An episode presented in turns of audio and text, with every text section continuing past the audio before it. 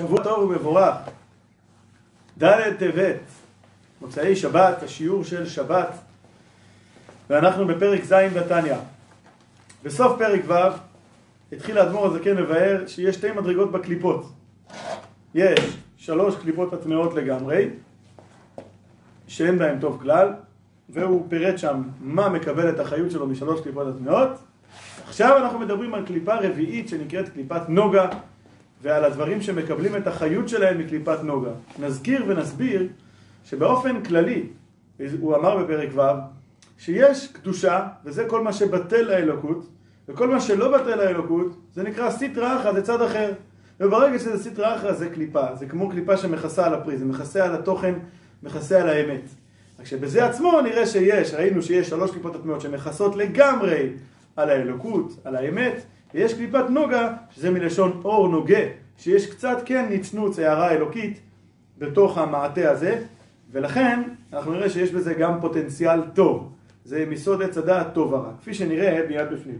פרק ז' אך נפש החיונית הבהמית שבישראל, שמצד הקליפה, כפי שאמרנו את זה בסוף פרק א', המלובשת בדם האדם כנזכר לעיל, וגם ונפשות בהמות וחיות ועופות ודגים טהורים ומותרים באכילה וקיום וחיות כל הדומם וכל הצומח המותר באכילה וכן קיום וחיות כל המעשה, דיבור ומחשבה בענייני עולם הזה שאין בהם צד איסור, לא שורש ולא ענף, משס"ה מצוות לא תעשה וענפיהן דאורייתא ודרבנן. כלומר, כדי להתחיל להגדיר מה מקבל את החיות מקליפת נוגה אנחנו דבר ראשון אומרים, לא מדובר על דבר שיש בו איסור. אנחנו נדבר על זה יותר בפרק הבא, אבל בעיקרון המושגים אסור ומותר, זה כמו שאותו אחד שעלה לאוטובוס עם כלב, ושאל את הנהג, האם אני יכול, האם מותר לי לעלות עם הכלב לאוטובוס? אמר לו הנהג, אסור, מותר, מותר, אסור. כלומר, אם הכלב אסור, אם הוא קשור, אז מותר לך לעלות איתו, אם הוא מותר, אם הוא משוחרר, אסור לך לעלות איתו. וזה, אנחנו נראה שזה בדיוק, כאשר דבר מקבל את החיות שלו משלוש טיפות הטמעות, אז הוא אסור, הוא קשור שם, ואי אפשר להעלות אותו לקדושה, לכן הוא נקרא דבר אסור. כאשר דבר מקבל את החיות שלו מקליפת נוגה, שיש בה גם יסוד טוב, אז הוא נקרא דבר מותר, כי הוא משוחרר מהקליפות ואפשר להעלות אותו לקדושה. אז התנאי הראשון, כדי שדבר נאמר עליו, שהוא מקבל את החיות שלו מקליפת נוגה, מהקליפה הרביעית הזאת, ולא משלוש קליפות הטמעות, הוא שלא מדובר על דבר איסור.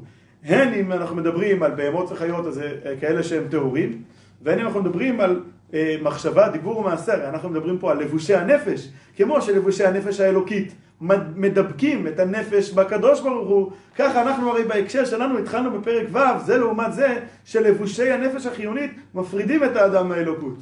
אז אנחנו מדברים פה על מעשה, דיבור ומחשבה כאלה, שא', מצד אחד אין בהם שום צד איסור, לא דאורייתא ולא דרבנן, הם מעשים מותרים, אלא מה? למה אנחנו לא אומרים שהם קדושה? אם הם מעשים שאין בהם שום איסור, אז למה אני, אומר שזה, למה אני לא אומר שזה קדושה? כי יש ממוצע, יש משהו באמצע. למה? רק שאינן לשם שמיים, המעשים האלה לא נעשים לשם שמיים, אלא רצון הגוף וחפצו ותאוותו. כלומר, הנטייה הטבעית, התאווה הטבעית של הגוף, לאכול או לעשות כל מעשה אחר שהוא רצון הגוף וחפצו ותאוותו. ואפילו אם מדובר על זה שהוא צורך הגוף וקיומו וחיותו ממש, אלא שכוונתו אינה לשם שמיים כדי לעבוד את השם בגופו. כלומר, יכול להיות שהכוונה של האדם במעשים האלה היא כדי צורך הגוף וחיותו וקיומו, בריאות הגוף. גם בריאות הגוף, כתוב ברמב"ם, זה מובא בטור, בהלכה, שאדם צריך לכוון, אדם צריך לכוון שהוא רוצה להיות בריא כדי לעבוד את השם בגופו. סתם ככה, כוונה של להיות בריא לשם עצמה, זה קליפה, זה סטרא אחרא. כי אמרנו שקדושה זה מה שבטל אל האלוקות. מה שבעצם היותו ובאנרגיה שמנוצלת כאן, זה מכוון אל הקודש, מכוון אל ההתבטלות אל הקדושה, אל ההתבטלות לאלוקות. אז אם אנחנו עסוקים ב... ב- לצורך הגוף, אבל זה הכוונה היא לא לשם שמיים כדי לעבוד את השם בגופו, זה גם כן קליפה, זה לא קדושה.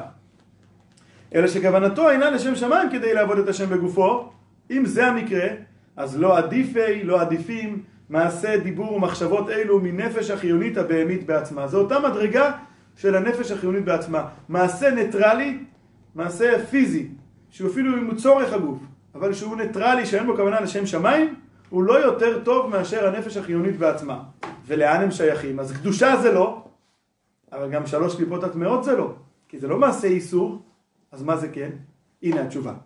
והכל כאשר לכל, כל המפרט הזה שדיברנו עליו, נמשך, נשפע ונמשך ממדרגה השנית שבקליפות וסטרא אחא, המדרגה השנייה של הקליפות והסטרא אחא, שהיא קליפה רביעית הנקראת קליפת נוגה.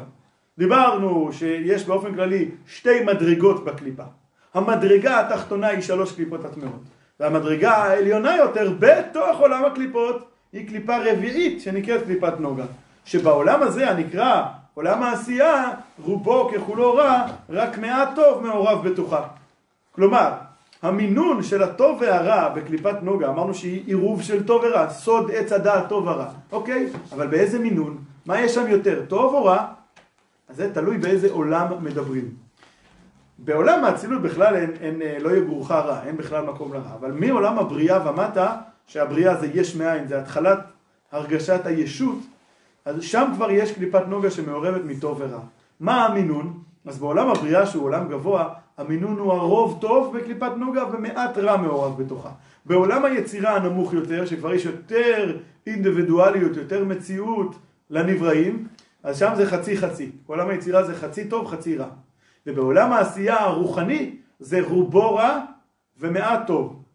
ובעולם העשייה שלנו רובו ככולו רע, זה דרגה נוספת, רובו ככולו רע, רק מעט טוב מעורב בתוכה, וזה מה שאנחנו רואים שבאופן טבעי, כשאנחנו עושים מעשים גשמיים, באופן טבעי, אם אנחנו לא במודעות מיוחדת, אם אנחנו לא בעבודה עצמית מיוחדת, איך נעשה אותם? ברור, באופן תאוותני, באופן רגיל, אם אנחנו לא במודעות, אם אנחנו לא עובדים על עצמנו, עובדים עצמנו במשמעות דורשים מעצמנו ו- ומעבדים את עצמנו, מעדנים את עצמנו, אילולי עידון, אילולי תהליך של עבודה עצמית, אז הנטייה שלנו בעולם הזה זה להגיע, זה, זה לעשות את הדברים מצד התאווה שבהם. למה? כי החיות של הדברים האלה בעולם העשייה הגשמי, החיות של הדברים האלה המקבלים את חיותם מקליפת נוגה היא במינון של רובו ככולו רע, רק מעט טוב מעורב בתוכה. ומה הביטוי לאותו מעט טוב שמעורב בתוכה? אז אומר את זה בסוגריים, מה שאמרנו בסוף פרק א', שממנה באות מידות טובות שבנפש הבעמית שבישראל, כמו שנתבהר לעיל בסוף פרק א', אמרנו שיש רחמנות וגמינות חסדים, שבאות אצל יהודי גם באופן טבעי, כלומר, כמובן שמצד הנפש האלוקית יש ביהודי נטייה לעשות רחמנות וגמינות חסד. החידוש הוא שגם מצד הנפש החיונית, הטבעית, הבהמית של, ה, של יהודי, יש בו נטייה, יש בו מידה טבעית, מידה טובה טבעית לרחמנות וגמינות חסד.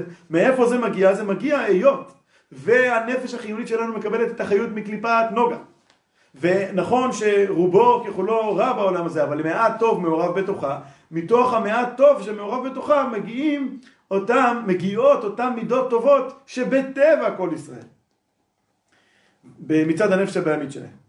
והיא, קליפת נוגה, היא בחינה ממוצעת בין שלוש קליפות הטמעות לגמרי ובין בחינת ומדרגת הקדושה. היא ממש הממוצע בין שלוש קליפות הטמעות למטה, קדושה למעלה, פה יש מדובר על מעשים ניטרליים, על הנפש החיונית שלנו, זה נמצא בתווך, באמצע, וכעת אה, אה, אנחנו נכנסים לעולם שלם של העבודה של האדם, לעשות את עבודת הבירורים, לברר את הטוב מהרע בתוך כל מעשה דיבור ומחשבה שהוא עושה כשהם מקבלים את אחריות מקליפת נוגה, ולממש את היסוד הטוב שבו, ולהעלות אותו לקדושה, להציף אותו, לגלות אותו, ובכך להכליל אותו בקדושה. ויש בזה שני שלבים, שלב אחד זה שאדם לא עושה את זה לשם תאווה.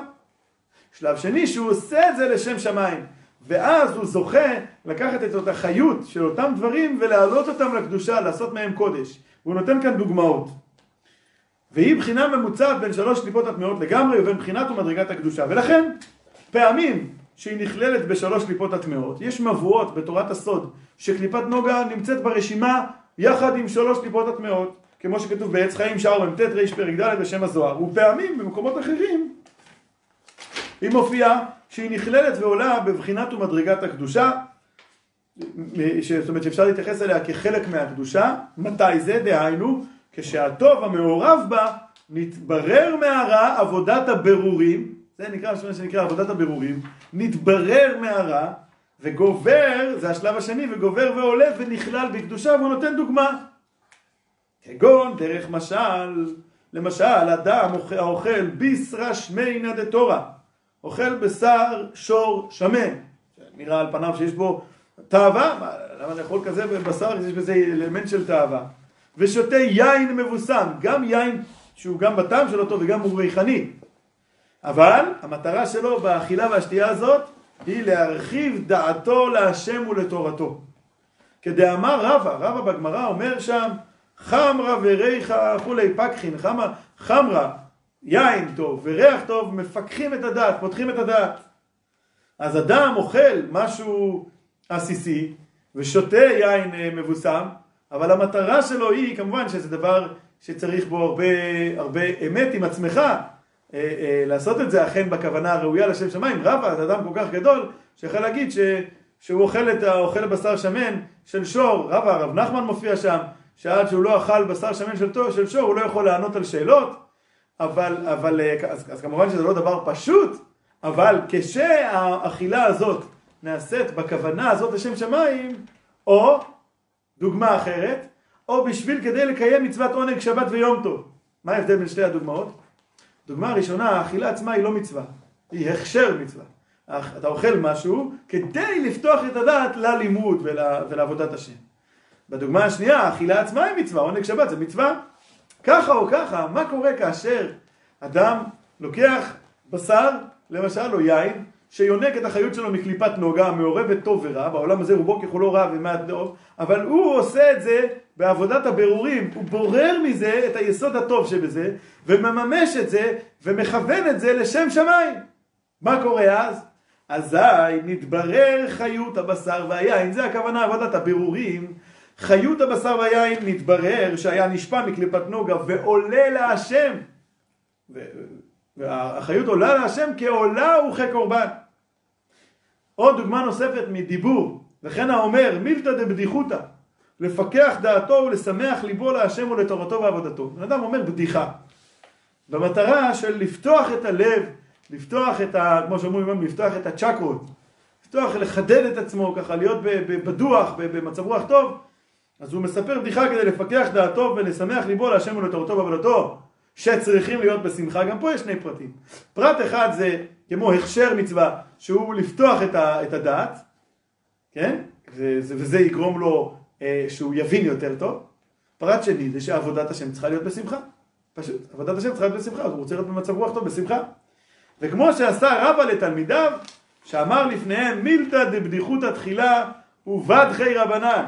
רבא, יש גרסאות רבא, אבל רבא היה לפני הלימוד אומר לתלמידים שלו בדיחה טובה, כדי שדעתם תהיה בדוחה עליהם, ופקוחה ושמחה, ויוכלו ללמוד טוב יותר. אז כאשר נוקטים בגישה כזאת, כאשר משתמשים ועושים מעשים כאלה, או דיבורים כאלה, שמיסודם הם מקבלים את החיות שלהם מקליפת נוגה, כמו שאמרנו, אבל במטרה לשם שמיים, כפי הדוגמאות שהבאנו, אז מתבצעת עבודת הבירורים, וקליפת נוגה עולה ונכללת בקדושה. כעולה וכקורבן, ממש כמו עולה שמעלים בבית המקדש, ככה זה אה, נהיה קודש. בהמשך אנחנו נראה בשיעור של מחר מה קורה כש, אה, כשלא עושים את זה בצורה הזאת, ועד כאן להיום.